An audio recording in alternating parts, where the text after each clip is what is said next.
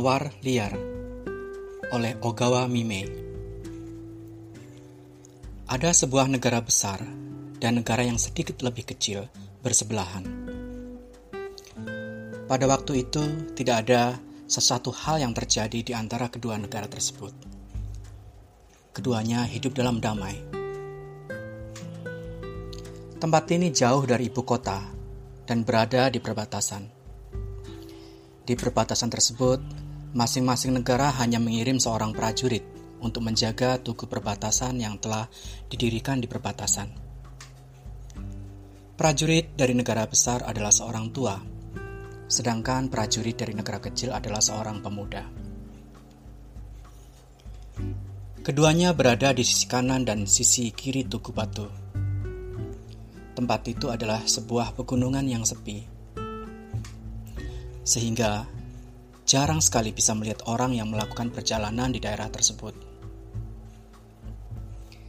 Pada awalnya, ketika mereka saling tidak mengenal, keduanya merasa seakan-akan seperti sekutu atau musuh, sehingga tidak mengatakan apa pun. Diam. Namun, entah sejak kapan akhirnya mereka pun menjadi akrab. Sebabnya adalah keduanya merasa bosan karena tidak ada orang lain untuk diajak bicara. Dan karena hari-hari di musim semi yang sangat panjang, terik matahari menyengat di atas kepala mereka. Tepat di perbatasan, tanpa ada yang tahu siapa yang menanam, tumbuhlah serumpun bunga mawar. Pada bunga mawar tersebut selalu berkumpul lebah-lebah yang datang menjelang pagi. Bunyi kibasan sayap mereka selalu terdengar di telinga mereka, yaitu prajurit tua dan prajurit muda. Itu terdengar begitu menyenangkan ketika mereka masih terlelap tidur. Ah, bangun sajalah. Lagi pula lebah-lebah itu pun sudah pada berdatangan. Seperti sebuah kesepakatan, mereka bangun bersamaan. Dan ketika mereka bangkit dan berjalan, matahari terlihat bersinar dengan teriknya di atas pepohonan. Mereka berdua berkumur-kumur membersihkan mulut dengan air yang keluar dari celah bebatuan karang. Membasuh muka, lalu saling menengok satu sama lainnya. Hai, selamat pagi. Cuaca cerah sekali hari ini ya. Ya, cuacanya sangat bagus. Cuaca yang bagus ini membuat perasaan menjadi lebih baik. Keduanya berbicara satu sama lain seperti ini setiap hari. Mereka saling menganggukkan kepala memberi hormat lalu melihat pemandangan di sekitarnya.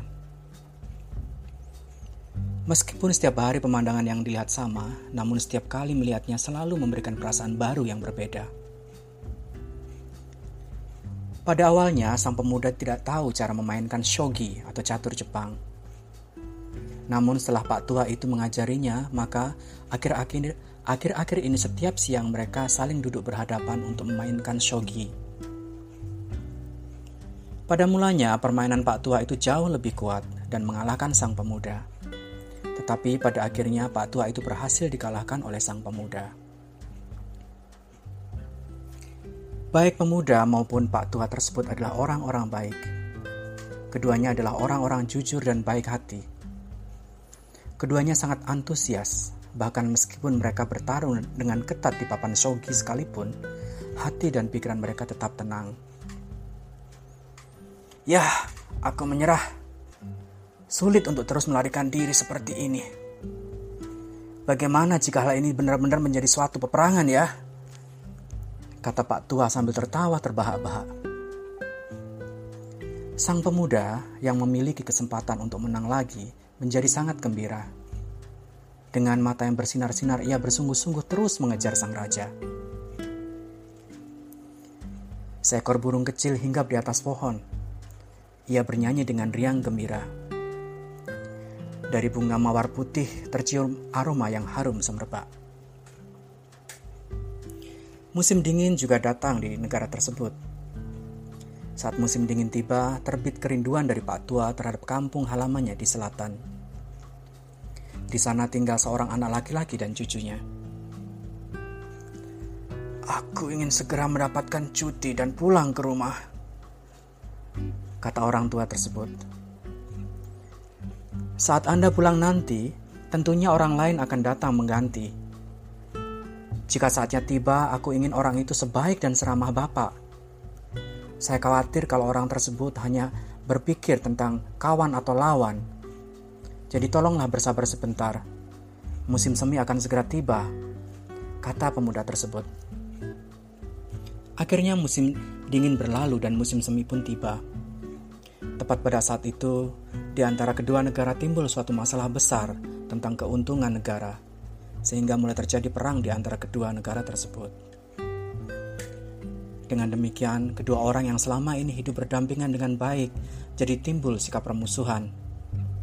Mereka berdua juga berpikir bahwa hal ini menjadi sangat aneh. Ayolah, Anda dan saya mulai hari ini telah menjadi musuh Meskipun saya sudah tua, namun pangkat saya adalah letnan. Karena itu, bila Anda memotong leher saya dan menunjukkan ke atasan, saya yakin Anda akan naik pangkat. Jadi bunuhlah saya, kata orang tua itu kepada sang pemuda. Ketika mendengar hal itu, sang pemuda menjadi kehilangan kewarasannya. Apa yang Anda katakan? Mengapa saya harus menjadikan Anda sebagai musuh? Musuh saya adalah orang lain. Perang terjadi di bagian utara yang jauh dari sini. Saya akan pergi ke sana untuk bertempur. Kata sang pemuda, lalu pergi meninggalkan tempat itu. Dengan demikian, di perbatasan hanya tersisa seorang prajurit tua. Sejak hari itu, sang pemuda tidak terlihat lagi. Prajurit tua itu melewatkan hari-harinya dengan linglung bunga mawar liar bermekaran. Saat matahari naik perlahan, para lebah pun berdatangan. Mereka tinggal di sana hingga menjelang senja. Perang yang berlangsung terjadi jauh di sana.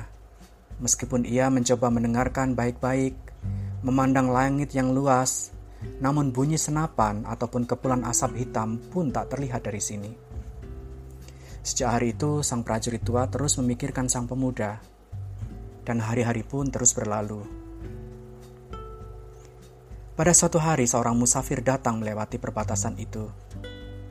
Orang tua itu bertanya tentang apa yang terjadi dengan perang. Kemudian, sang musafir memberitahukan bahwa negara kecil tersebut telah kalah perang. Prajuritnya dibantai habis, dan perang pun telah usai. Orang tua tersebut berpikir kemungkinan sang pemuda juga telah mati dalam perangan tersebut. Sambil berpikir demikian, ia duduk lesu di pondasi tugu hingga akhirnya jatuh tertidur. Dari arah yang jauh terlihat serombongan orang datang. Saat dilihat baik-baik, ternyata mereka adalah serombongan prajurit. Kemudian, yang duduk di atas pelana kuda dan memimpin rombongan tersebut adalah sang pemuda. Rombongan prajurit tersebut sangat hening hingga tak terdengar suatu suara sekalipun. Ketika melewati orang tua itu, sang pemuda mengangguk diam. Ia mencium aroma bunga mawar. Ketika orang tua tersebut ingin mengatakan sesuatu, matanya terbuka. Ternyata hal itu hanyalah mimpi. Sebulan sesudahnya, bunga mawar liar itu pun menjadi layu dan kering. Pada musim gugur tahun itu, sang prajurit tua mendapatkan cutinya ia lalu pulang ke kampung halamannya.